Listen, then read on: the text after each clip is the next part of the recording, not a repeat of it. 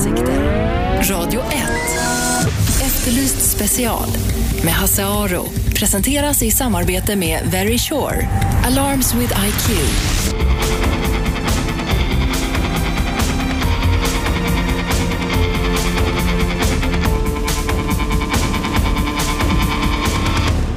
Hit, Efterlyst special. Det är fredag. Eh, Ni som brukar lyssna vet att på fredagar så brukar jag ha författare här, deckarförfattare. Eftersom det här programmet ändå i någon må- må- måtta ska handla om brott och straff. Idag har jag Björn Hellberg här. Björn Hellberg som om man räknar antalet böcker är en av våra absolut flitigaste deckarförfattare, måste man väl säga. Ja, det har blivit 24, 25 böcker inom, inom genren. Ja. Och 20, den 20 om en viss person, nämligen din, eh, din kommissarie Sten Wall, den kommer nu. Just det. Skarprättaren heter den. Ja. Skarprättaren. 24 böcker. Alltså, finns det någon eh, nu levande, ursäkta uttrycket, deckarförfattare som har skrivit så många? Ja, eh, Kjell Genberg har gjort det Okej. och eh, Jan Mårtensson. Mårtensson, ja, Ja, just då har det. vi ett par. eh, Just det. När jag började skriva i den här branschen där Hasse, så var, var det inte så särskilt vanligt förekommande att eh, man skrev deckare. Det var Ulla Trenter, gamla Maria Lang, Olof Svedelid och några till. Men nu har det blivit en formlig boom på senare år. Nu mördas det friskt i alla I riktningar. alla riktningar. Och det har det blivit, och det har blivit också en väldigt stor genre eh, läsarmässigt. Mm. Trenden är väl att de blir, de, blir lit, de blir våldsammare, de här som mördar blir konstigare och konstigare och det är seriemord och det är massmord och det är kvinnomord och det är barnamord och sådär. Dina böcker är inte så våldsamma. Nej, då, jag skruvar inte fullt så våldsamt. Den är lite lugnare i, i tempot där. Varför det? Varför har du valt det? Nej, jag tycker att eh, ibland är jag lite hårdare. Det beror på vilket tema jag tar upp naturligtvis. Men för det mesta eh, målar jag lite i pastell. Eh, det finns många andra som frossar i, i blodpalt och annat. Men jag tycker man ska variera sig lite grann där. Eh, och låta karaktärerna prata. Va? Det, det är väldigt viktigt. Hur väljer du? Hur hittar du på en story? Jag utgår ofta från motivet. Någon gång har jag utgått från titeln. Exempel när jag skrev ett, ett tacksägelsen, det hörde jag Einar Ekberg, den finne kyrkosångaren, eh, sjunga just den eh, tacksägelsen. Tack och Gud för vad som varit. Så jag ska inte sjunga nu och skrämma bort lyssnarna. Men, men då fick jag idén att eh, vad händer om någonting slår slint hos en eh, religiös puritan och fanatiker? Och då fick jag, så det var titeln som gav den. Annars utgår jag ofta från mekanismen. Eh, va- varför utlöses det här våldet? Vad är, vad är drivfjädern bakom eh, motiv? Och i den här nya skarprättaren har jag ett motiv som jag aldrig använt förut. Mer kan jag ju inte avslöja. Nej, men man kan säga att motivet finns att hämta i historien. Ja, det kan man säga. Det finns det. Ja, man ska ju alltid ge läsaren möjligheter att försöka agera spårhund själv också. Men då om du börjar med motivet, då börjar du egentligen med slutet. För i boken så kommer motivet som en slags förklaring på slutet. Ja. att, och sen så jobbar du dig bakåt då. Ja, jag, jag börjar nog eh, framifrån faktiskt. Det, det, det är lite olika. En del Men författare... idé, idémässigt menar jag, Ja, så har jo. ett motiv. Och det Ja, man antar jag har- att du inte avslöjar för långt fram i Nej, just det. Så är det. Eh, vanliga motiv i deckare är ju hämnd naturligtvis. Mm. Det kan vara passionsdrama. Eh, pekuniära orsaker kan ligga bakom det hela. Eh, det kan röra sig om olyckshändelser. Det finns väldigt mycket att botanisera bland om man har fantasi där. Man har en känsla av att, eh, alltså det är klart, ju, ju mer långsökt ett motiv är, desto eh, svårare är det ju att, att, att, för läsaren att räkna ut. Ja, så är det. och, och, så, men å andra sidan, ibland kan det gå lite för långt kanske. Jag tycker man ska ha en viss realism. Det är ju ingen dokumentär det här som man ägnar sig åt, men eh, skulle man följa exakt de polisiära rutinerna så skulle det inte vara en människa som orkar läsa boken. Alltså, man måste ge sig som författare utrymme för att eh, eh, fabulera lite fritt. Men ändå tycker jag man ska ha en viss trovärdighet i böckerna. Det är nästan en förutsättning, tycker åtminstone jag. Annars blir det ju en fabel. Ja, det tycker jag också. Om man läser deckare så tycker jag att de ska ha viss trovärdighet. Och så tycker jag, det beror ju på vad det är. Jag menar, de här som du nämnde, Maria Lang och, och Jan Mårtensson och sånt som också skriver lite, lite, en liten trevligare genre om man får säga så. så. Där kanske man inte har riktigt samma krav på realism som hos någon som utger sig för att skriva realism. Nej, just det som är Leif GW Persson. Va? Han, Ja. han, han har ju väldigt eh, ok på sina axlar för att han måste leva upp till den Precis. roll han har. Och det gör han ju bra. Ja, fast en del av de nya författarna är inte alltid kanske så duktiga på just det. Du Björn Hellberg, eh, när jag berättade på redaktionen att du skulle komma hit så sa de, ja men vad roligt sa de. Han som är så trevlig. Och eh, det här, det, det, trevlighet är ett ämne som fascinerar mig. Eftersom det, man tycker inte alltid att jag är så trevlig. Eller ibland så säger man, en reaktion som jag får ofta, är, det är ju trevligare än jag trodde. Ja, ja, det, Så det, förväntningarna är väldigt lågställda till det. ska man ta det som en komplimang eller inte i Jag så fall? Ja, det kan man ju diskutera. Det är kanske kanske bättre än att du var inte så trevlig som jag trodde. Det är kanske bättre att du är trevligare än jag trodde. Men förväntningar, förväntningar är väldigt lågställda. Men hur, och du gör ju ett väldigt trevligt intryck. Ja, hur blir man trevlig? Jag tycker man ska vara vänlig mot sina medmänniskor. Det, det finns ju ingen orsak att eh, bete sig som eh, en, för, en, en dålig furir. Det finns ju bra furirer också naturligtvis. Mm. Men att ryta och gapa på sin omgivning, det, det ligger inte för mig. Utan jag tycker man ska behandla med respekt. Alltså. Det tycker jag är väldigt viktigt. Mm. Men det är en sak, men det kan man göra utan att för den skull vara supertrevlig. Mm. Ja, jag vet inte riktigt. Det är svårt att bedöma sig själv där i, Ja. i avseendet. Ja. Kan det ha med att göra att man trivs med livet? Ja, det är nog så är det naturligtvis. Eh, det är ju självklart. Eh, är man tillfreds med livet så är man tillfreds med sig själv också. ju. Så är det. För att jag, läst, jag har res- research, ett kraftigt uttryck, men jag har läst på lite om det. Och du bor ju, du lever ju någon slags litet sådär idylliskt liv får man ju till eh, när man ser det. Så här, du bor i en liten stad, du, du har gift med samma kvinna alltid och herrans massa ungar och så. Jajamän, ja, vi, förlovar, vi förlovar oss faktiskt, Inger och jag, i, i, i Wimbledon på The Middle Sunday. Jag har ju varit i Wimbledon 45 Mm. år i följd. Jag har haft den stora ynnesten att vara frisk, så Mm. jag har kunnat vara, vara igång hela tiden. Jag har inte missat en enda dag. Men med mellansöndagen är ju ledig, bortsett från tre gånger då det har regnat. Mm. Ja. Så det innebär alltså 42 eh, dagar har jag fått fritt i Wimbledon.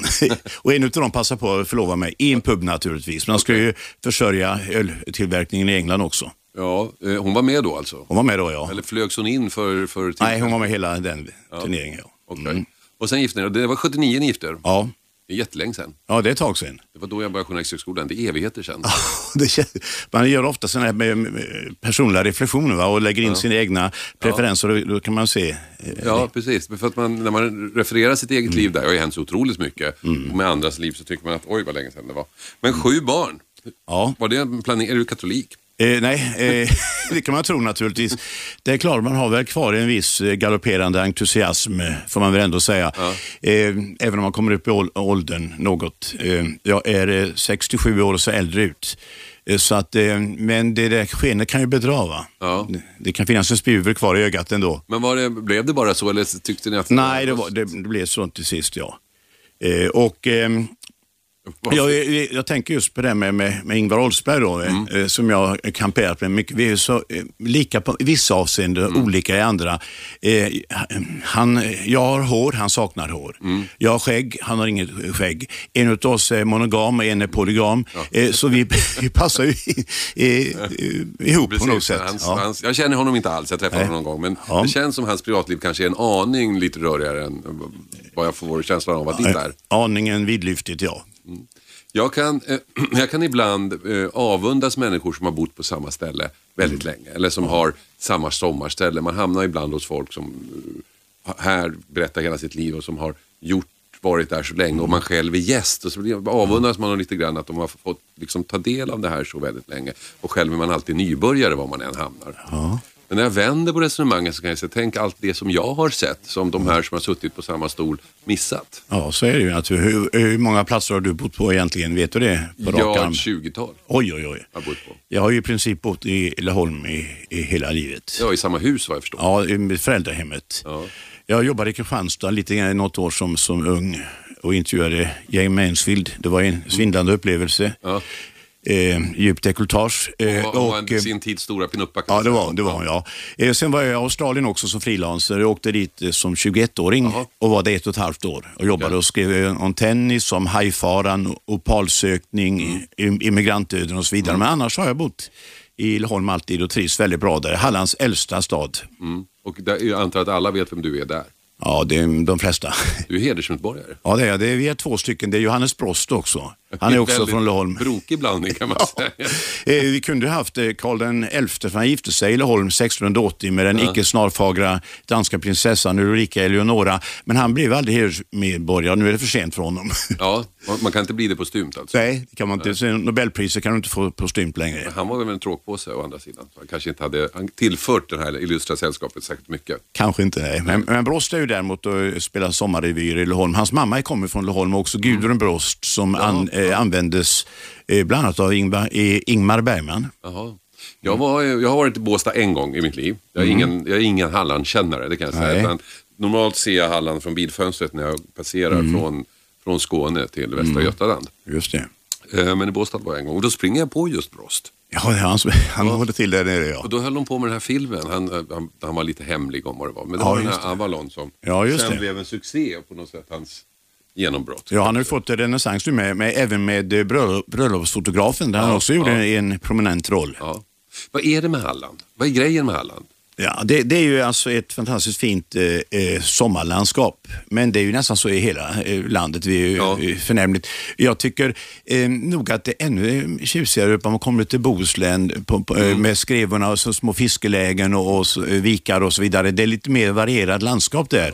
Men Halland är ju, är ju ett, tycker jag, ett tjusigt landskap. Men är det inte lite, för Bohuslän har jag varit en hel del. Mm. Men Halland, är inte det lite finare sådär? Människorna, är de inte lite, det känns lite upper class sådär. Det känns lite mer engelsk upper class i Halland. Ja, Jag vet inte. Jag måste vara pratar jag bara om Ja. min, min helg i Båstad. Det är, Ja, det är min ja. referensram. Ja, Bå- Båstad är ju då, det ligger precis på Skånegränsen va? Eh, och eh, tillhör Skåne egentligen. Och, eh, Alltså, gör det? Ja, det, en Båstad är skånskt.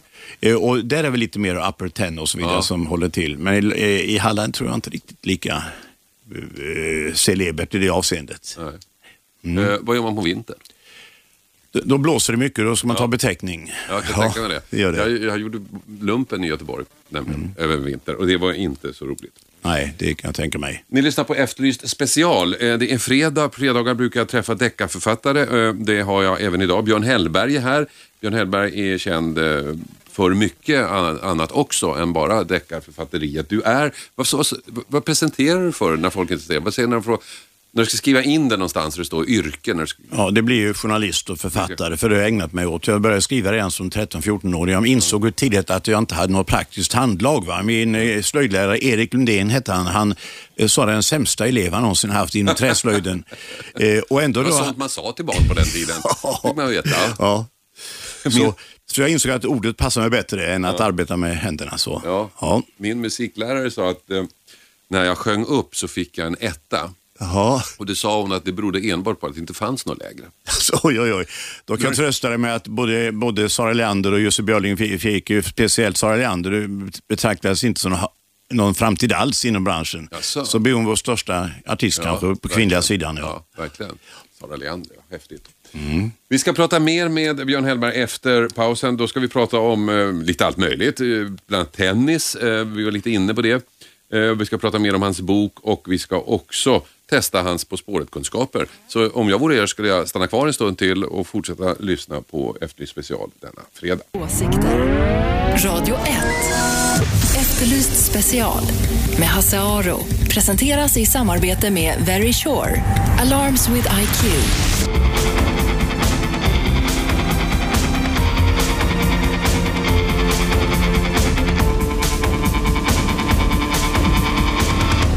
Tillbaka, Efterlyst special fredag. Eh, det innebär, eh, behöver inte göra, men det ofta innebär att jag har författare, deckarförfattare här. Björn Hellberg är här. Eh, Vi pratade lite om din bok förut eh, som heter Skarprättaren och handlar om Sten Wall som är din hjälte. Hur skulle du beskriva honom? Ja, han åldras med behag. Eh, Han är flegmatisk när det gäller eh, tidsaspekten. Han har blivit sju år äldre sedan 1981. Han tar Ja, gott om tid på sådär. sig. Det är en sympatisk egenskap. Det skulle man ha. Ja. Han har stått vid 64 års ålder och stampat nu i flera år för han vill inte bli pensionär. Nej, Nej. okej. Men så han är anställd fortfarande? Ja, det är han. För det är en del eh, så här författare som har skrivit många böcker. De låter ju sin, Mm. GW till exempel, lät ju sin eh, hjälte inte bara gå i pension utan till och med få en infarkt.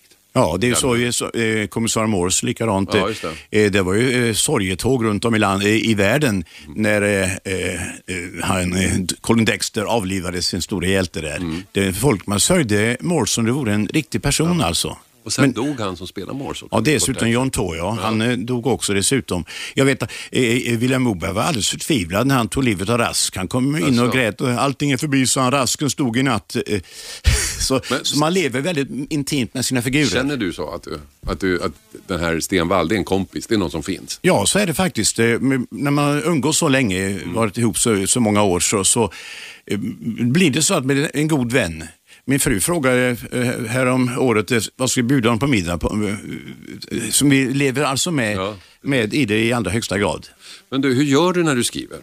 Rent konkret. Jag jobbar eh, disciplinerat måste jag säga. Mm. Jag vill gärna citera Olof Svedelid här. Han eh, hävdade, den fine Stockholmsförfattaren, Mm. han hävdade det att inspiration är världens mest överskattade ord för en författare. Mm. Och jag håller med honom. Om man skulle sitta och vänta på de här gudomliga skickelserna eh, så skulle man inte få mycket uträttat. Det gäller att vara discipliner, eh, disciplinerad. Jag eh, jobbar väldigt mycket i januari, februari, mars och april med böckerna. Mm. Sen kan jag göra lite utkast vid andra tidpunkter under året, göra små stolpar, men själva grovjobbet ligger då. Och, och när du säger att du jobbar, sätter du ner vissa tider och Ja. skriver bara? Ja, så- jag gör. Och då, det kan ju skifta. Ibland kan man skriva en timme, ibland kan jag sitta 12 timmar i följd. Det beror på, inte inspirationen utan, utan andra saker. Guillou sa ju det, inspiration är för amatörer. Ja, det har han rätt i. Hur vet du när du är klar då? Eller hur vet du när det är bra? Ja, jag putsar väldigt mycket. Jag lukar i rabatten. Jag är väldigt angelägen om att eh, försöka eh, undvika upprepningar och så vidare. Språket är ju viktigt naturligtvis. Det behöver jag inte ens påpeka, för det är ju eh, fingeravtrycket för en författare. Eh, Det är där man känner igen det signalement. Va? Så att eh, språket är för mig oerhört viktigt. Så jag skriver om och putsar på, på det hela tiden. Det tycker jag är viktigt. Sen, sen vill jag också naturligtvis försöka få med lite eh, bisarra karaktärer. Alla får inte vara groteska. Med den här nya skarprätten har jag exempelvis med en överambitiös idrottspappa. Jag har med en besatt släktforskare och några burdusa unga försäljare också. Så jag försöker variera det där. Men när du har skrivit så många böcker, betyder det att du har liksom i, i, i huvudet en slags mall så att du vet hur boken ska utvecklas och vet när den är klar? Ja, det gäller ju, det, så är det nog. För det gäller att lägga in lite stationer på vägen på resans gång så att det händer något, något, dramatiskt eller något lite mm, uppseendeväckande här och var. Blir de lika tjocka? Ja, det brukar vara ungefär där kring 300 sidor. Det är Några är lite längre. Och de utspelar sig i eh, en icke namngiven stad. Som heter Staden. Man måste använda sin fantasi, eller Ja, hur? precis. Eh, och det ska alltså vara en blandning av Laholm och eh, fri författarfantasi. Okej. Vad är det i Laholm som finns i böckerna tycker du? Ja, jag får fram idyllen där tror jag. Ja. för, eh, vi har ju några skimrande pärlor i, i Sverige när det gäller just eh, pittoreska miljöer. Vi har ju exempelvis Visby, Vadstena, eh, Trosa, Ystad, Nora. Och Laholm är också en väldigt välbevarad stad men en eh, i stort sett helt intakt stadskärna. Det var ju så att grävskopornas eh, destruktiva käftar tuggade i sig eh, väldigt mycket patina och, och, och fina byggnader förr i tiden. Men, men Laholm har alltså klarat sig, en av de städer som har eh, klarat sig oskadd. Det finns en fäbless hos, eh, inom din genre och dina kollegor att man lägger gärna, förlägger gärna sina mordhistorier och berättelser i idyller. Alltså du har ju Laholm då och sen har du ju Visby och du har ju Fjällbacka och sådana här Och saker. Lang hade ju Nora. Ja, det, precis. den som började med att placera ut brotten i, i en eh, autentisk miljö, det var just den store Stig Trenter. Mm. Han var först med detta i stort sett. Eh, Eh, ja, det fanns några tidigare, men han, han drev det till sin spets. Han eh, kom med underbara eh, skildringar från Stockholm. Så man kan läsa miljöskildringarna och inte bli så med intrigen ens en gång ibland. Så, så njutbart är, det. Ja.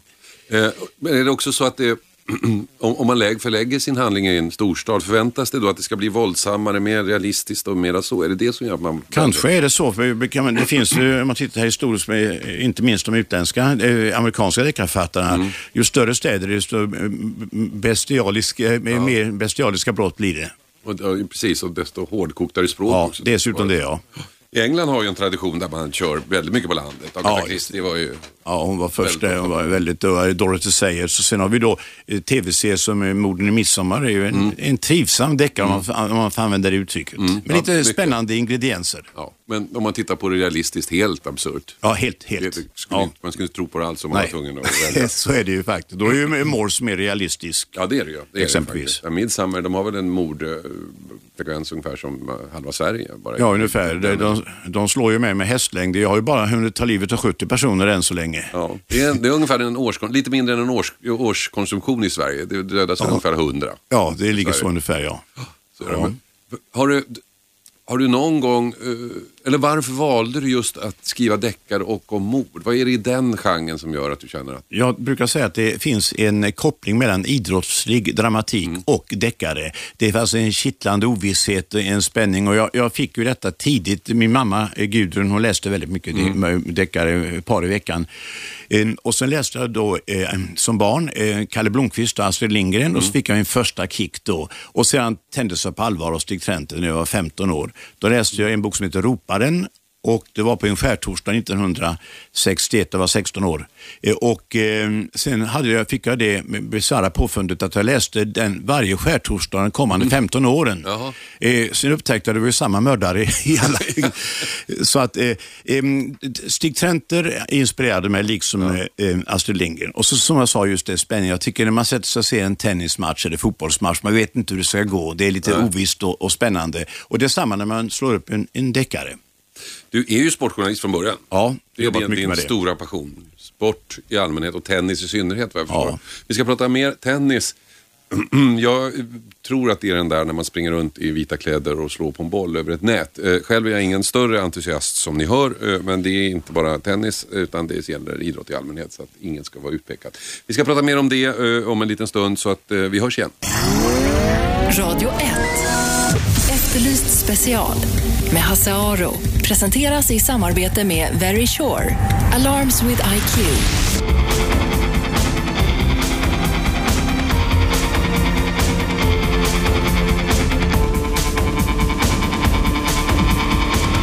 Välkomna tillbaka. Eh, Efterlyst special. Det är fredag. Jag har eh, en deckarförfattare här som jag ofta har på fredagar. Eh, den här gången är det inte vem som helst. Den här gången är det Björn Hellberg. Jag tror att de flesta av oss vet vem det är, även om vi inte har läst någonting av honom. Din senaste bok heter Skarprättaren och jag måste säga att när jag, när jag, såg titeln först där så trodde jag, för jag har läst en bok som heter Skarprättaren nämligen. Jaha. Och det är, det, är en av de mest fascinerande böcker jag läst någonsin. Jaha. Och det är en faktabok skriven om den sista skarprättaren i Sverige, AG Dahlman. Dahlman. Ja, Dahlman. Och det här är, hans son skrev den.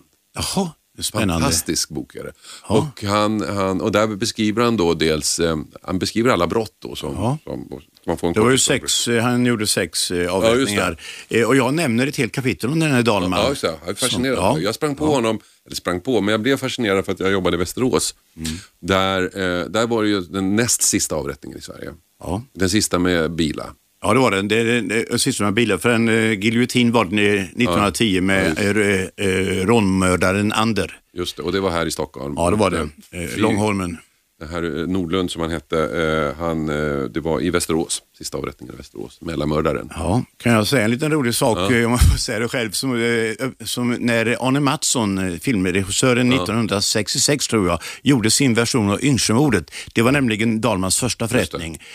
Eh, och hon avrättades 1890. Eh, då var det en sån realistisk scen där Gunnel Lindblom som spelade mördaren då, eh, man ser huvudet falla av. Alltså det är väldigt skickligt gjort. Då skrek folk i salongerna och så hördes då Alf Montana berätta att det han hörde då på en biograf på Söder i Stockholm att folk skrek till när huvudet faller och då säger, hör han en röst säga Gud så hemskt och Gunnel Lindbloms var min stora idol, nu får jag aldrig se henne fler gånger. Då säger grannen, vad du är dum. Du tror väl ändå inte att Arne Mattsson avrättade Gunnel Lindblom? Det var ju bara en statist. Det är antagligen lätt att äh, skaffa statist efter det yrket. det låter som det har hänt en del i mediekonsumtionen sen ja, men. men den var, den var oerhört fascinerande tycker ja. jag i alla fall. Den första, den första, alltså, på sitt sätt den första boken i true crime-genren i Sverige när de ja. beskrev riktiga brott. Sådär.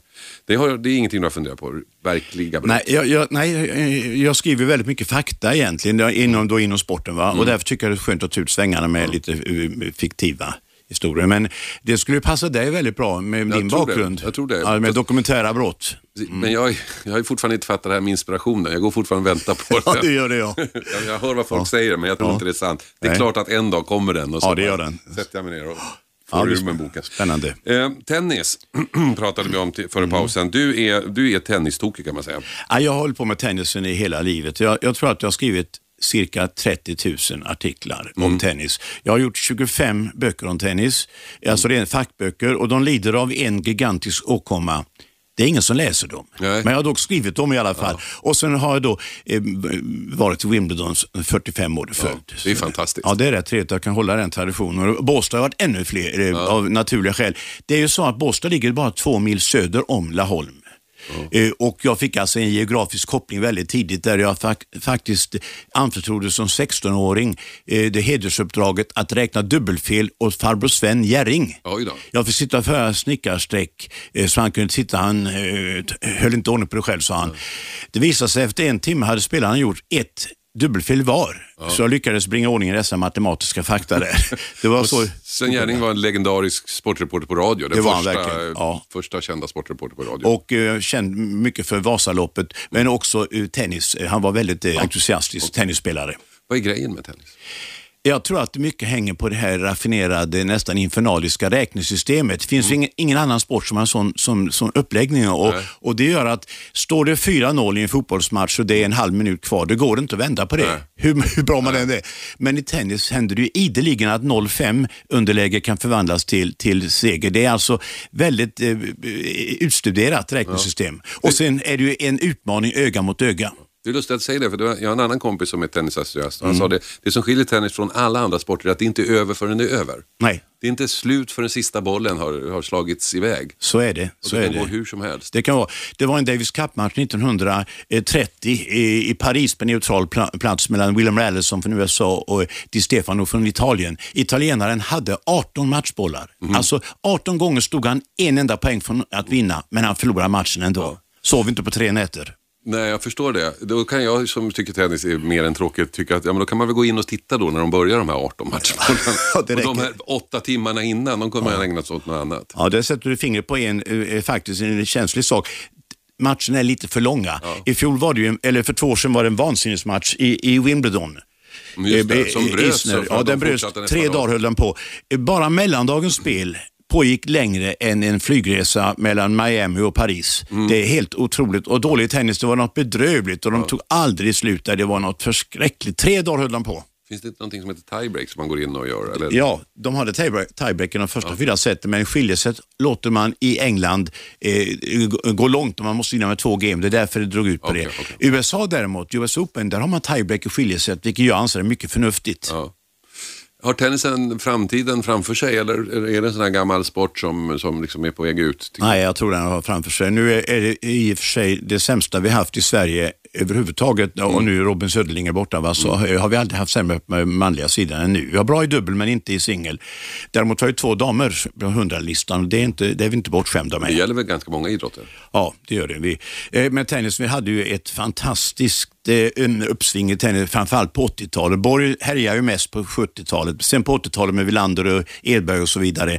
Eh, då var det så att Joakim Nyström vid ett tillfälle, han var tia, rankad tia i världen i både singel och dubbel, men han kom inte in i laget. Det fanns fyra spelare som ansågs bättre än Jocke Nyström. Han fick ju trösta sig med att han var med och vann eh, eh, På spåret 1990 med, med Mats Strandberg och, och, och undertecknad.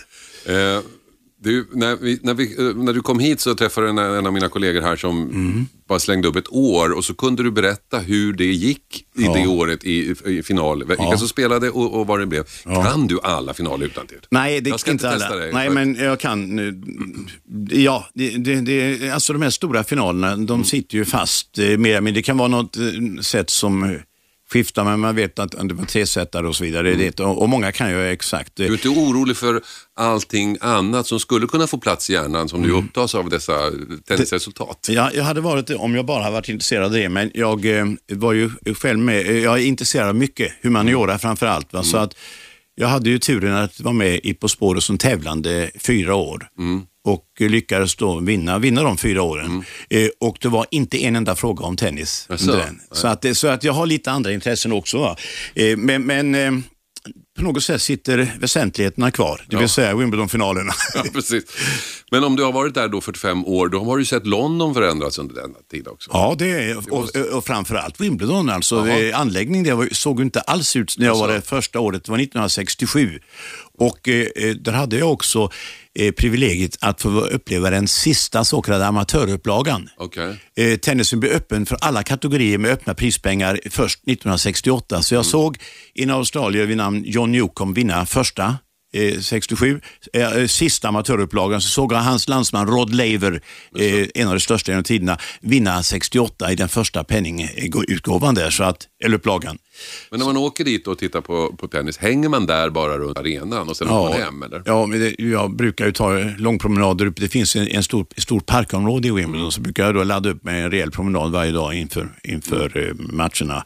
Och sen kan man ju nu med teknik, teknikens hjälp eh, kunna se, få in på, på eh, monitorer. Man kan se eh, mm, vilken match som det hettar till mest. Va? Förr fick man ju bestämma sig i förväg vilken bana man skulle vara på. Okay. Och så hörde man då via djungeltelegrafen att det är en stor sensation på väg på bana fyra. Då rusar man dit. Va? Okay. Men nu är det mycket enklare. Nu kan du titta. Så man kan gå runt alltså? Man kan, man kan se i monitor eh, hur det står de olika matcherna. Eh, ja.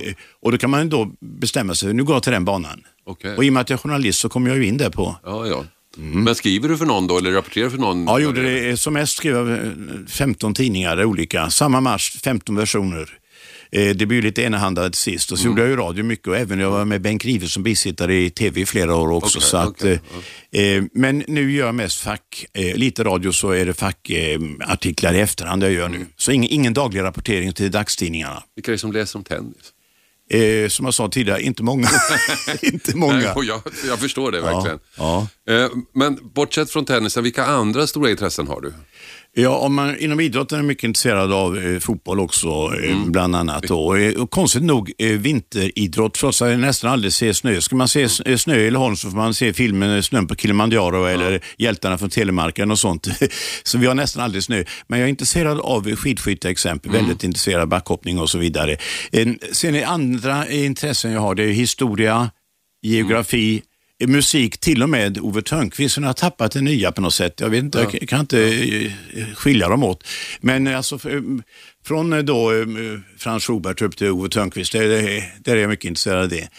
Mm.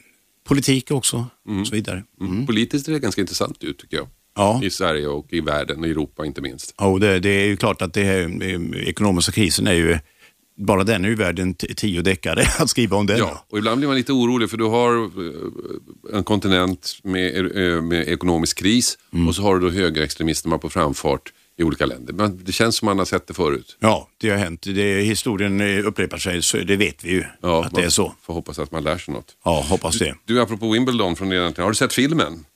Eh, nej, det har jag faktiskt inte gjort. Nej, det tycker jag du ska göra. Ja, den är väldigt trevlig och väldigt bra. Och ja. Den handlar inte alls om tennis egentligen, men nej. jag som då inte tycker tennis är det roligaste som finns. Mm tyckte då när jag såg filmen att det kanske finns någonting i den här sporten som, ja. som om man bara anstränger sig kanske man upptäcker det. Du har fått embryot äh, märker jag här. Ja. Om, eh, om, om något år är du frälst. Då sitter du och, och räknar dubbelfel. Ja, just, jag, ja. jag, så, jag såg ju faktiskt en tennismatch när jag var i Båstad. Damfinalen det året såg jag Det var inte roligt. Nej. och det tror jag inte beror på att de var dåliga på något Nej. sätt. Utan det tror jag att det andra. Men du, vi var inne på På spåret. Jajamän. Det är väl där som de flesta känner igen dig ifrån. Vi var ju med 21 år, Olsberg och jag där. Ja, just det. Det är nästan lika länge som Efterlyst kan jag säga. Ja, det är, hur länge, hur länge höll ja, det på? Vi, vi, är på vårt 22 år nu. Jaha, det är ju samma i stort sett ja. Vi avslut, vi börjar nog vårt 23 år mm. tror jag i, i höst. Det är ungefär samtidigt. Jag visste inte att du hade varit deltagare. Ja, jag var med hur, faktiskt. Hur kommer det sig att du hamnade där? Eh, ja, Som deltagare alltså? Det kan berätta. Det var så här att på den tiden, eh, eh det började 1987 att sändas. Eh, då hade man eh, lag, tremannalag var det då, mm. med, med, speciella teman. Man hade exempelvis radiopratare var ett, jag mötte Myggan mm. Eriksson exempelvis och hans gäng. Eh, det var olika, det var första matchen vi gick, eh, det var då mot Kurt Olssons damorkester. Jaha. Så det var alltså sådana teman, författare och så vidare. Vi, vi kallades då Tennislaget och då var Bengt Grive med eh, och Mats Strandberg eftersom ja. vi ägnade oss åt tennis allihop. Sen var ju Grive borta något år och då kom Jocke Nyström in eh, för att fylla på eftersom vi skulle ha tennisanknytningen. Så det var därför och då, då ville de ha något inom idrotten och, och så började jag. Och sen när jag då hade varit med och tävlat i fyra omgångar, fyra år, så blev eh, jag domare istället och mm. fick hjälpa Ingvar Oldsberg att konstruera ledtrådarna som ibland var så Eh, knepig att vi i efterhand inte begrep vad vi själv menade. Nej. Hur ska man då kunna begära att en deltagande... Nej. när jag tittar på På spåret så är ja. just när det gäller de där ledtrådarna så har jag förstått det. Att ja. Försök inte få ihop ett sammanhang här Nej, för att då... Det går inte. Lyssna på detaljerna för det är där man hittar någonting Helt rätt. som gör Helt att rätt. man vet att det är Åbo. Ja, så pratar en spårhund. Ja, Ja, det är alldeles rätt som du säger. Så, så, så, så tittar jag på det och det brukar gå ganska bra, säger jag själv. Mm. Ja. Det är lätt att säga nu, jag har aldrig fått vara med. Nej. Vilket, vilket stör mig. Vilket är egentligen Lite en mer skandal. än, vilket stör mig lite mer än jag vill erkänna.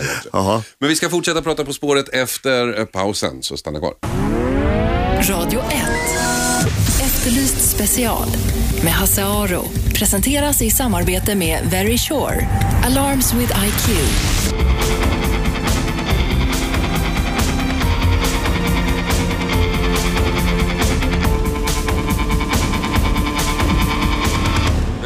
Tillbaka till Efterlyst specialfredag. Jag har författaren Björn Hellberg här. Vi har pratat om deckarförfattare, vilket jag brukar göra eh, på fredagar. Men nu har vi lämnat det sedan länge. Eh, det var egentligen bara en ursäkt för att få hit honom under den här rubriken. Nu pratar vi egentligen om På spåret.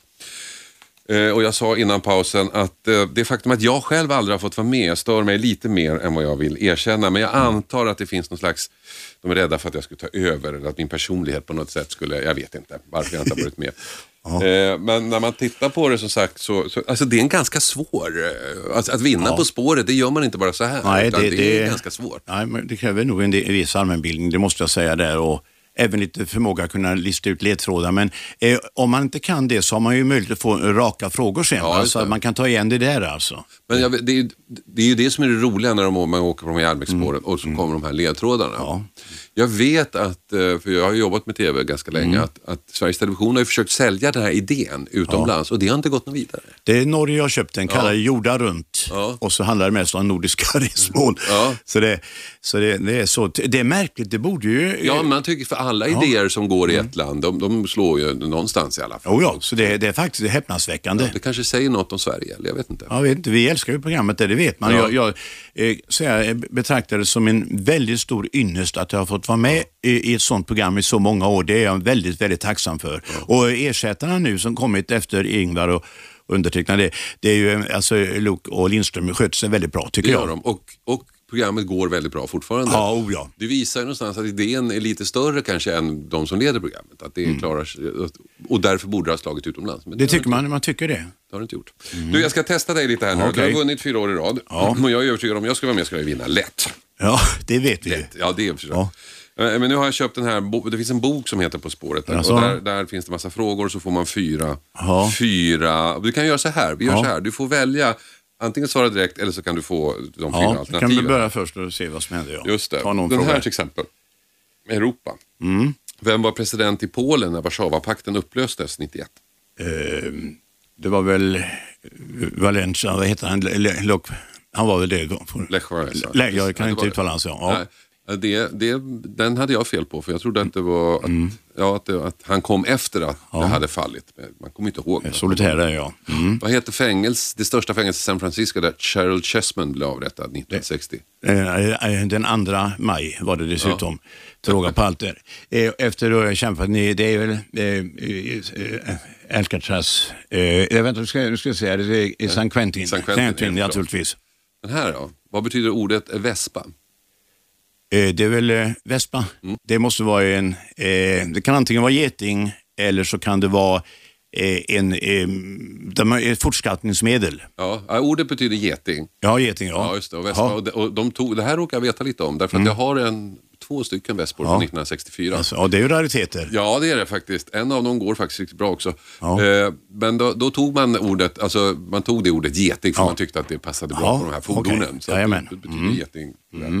Det, så att, eh, ja, den har jag faktiskt åkt till eh, Paris på en gång. Ja, Efter stadsbranden i Sundsvall 1888 88. ville man ha en symbolisk beskyddare som sedan fick dekorera många hus. Vad var det för något? det var väl, det kallades Stenstaden va, då. Eh, För övrigt så brann jag tror jag att eh, både Umeå, Umeå brann också det året Ja, tror jag. okej. Eh, var det det att den skulle byggas i sten? Nej, utan det är en, Nej. Det är en symbolisk beskyddare. Du får fyra alternativ. En Ja. fe, ett troll, en drake eller en trollkarl. Ja, det kan jag faktiskt inte. Nej, Jag en, dra, en drake. Drake, ja det visste ska jag inte. tydligen vara, den här Ja. kan du, den här kan du, oj, Ja. Mm. den här kan du. Annars, annars slutar vi här nu. Ja. Den rikskände stortjuven Lasse-Maja ligger begravd i Arboga där han levde sina sista år. Men var satt han 26 år i Ja, fängelse? det är Karlstens fängelse där i Marstrand. Marstrand, ja, ja, ja, men han heter Lars Molin faktiskt. Precis samma som den stora regissören här. Lasse-Maja, för att han klädde ut sig till kvinna Jajamän. ibland eh, när han skulle dra. Ja. Det, det här tycker jag också är lite typiskt. Det är också någonting jag lärt mig de, de år jag jobbat med brott. Att många, många brottslingar blir kända och man tycker åh vad de Mm. höll på och bla bla bla. Men Lasse-Maja satt 26 år i fängelset.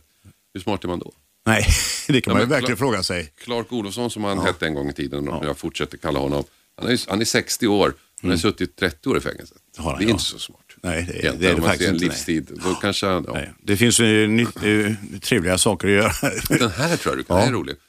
Uh, järnvägen eh, krävde att hela Sverige hade samma tidszon. Mm. Före det hade vi inte det.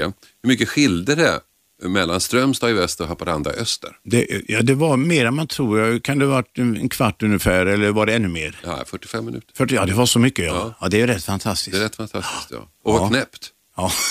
Vad knäppt. Ja, det- Och säkert var det någon som var emot det när man Ja. skulle införa samma tid. Så var det någon som trodde att det skulle... Absolut, ja.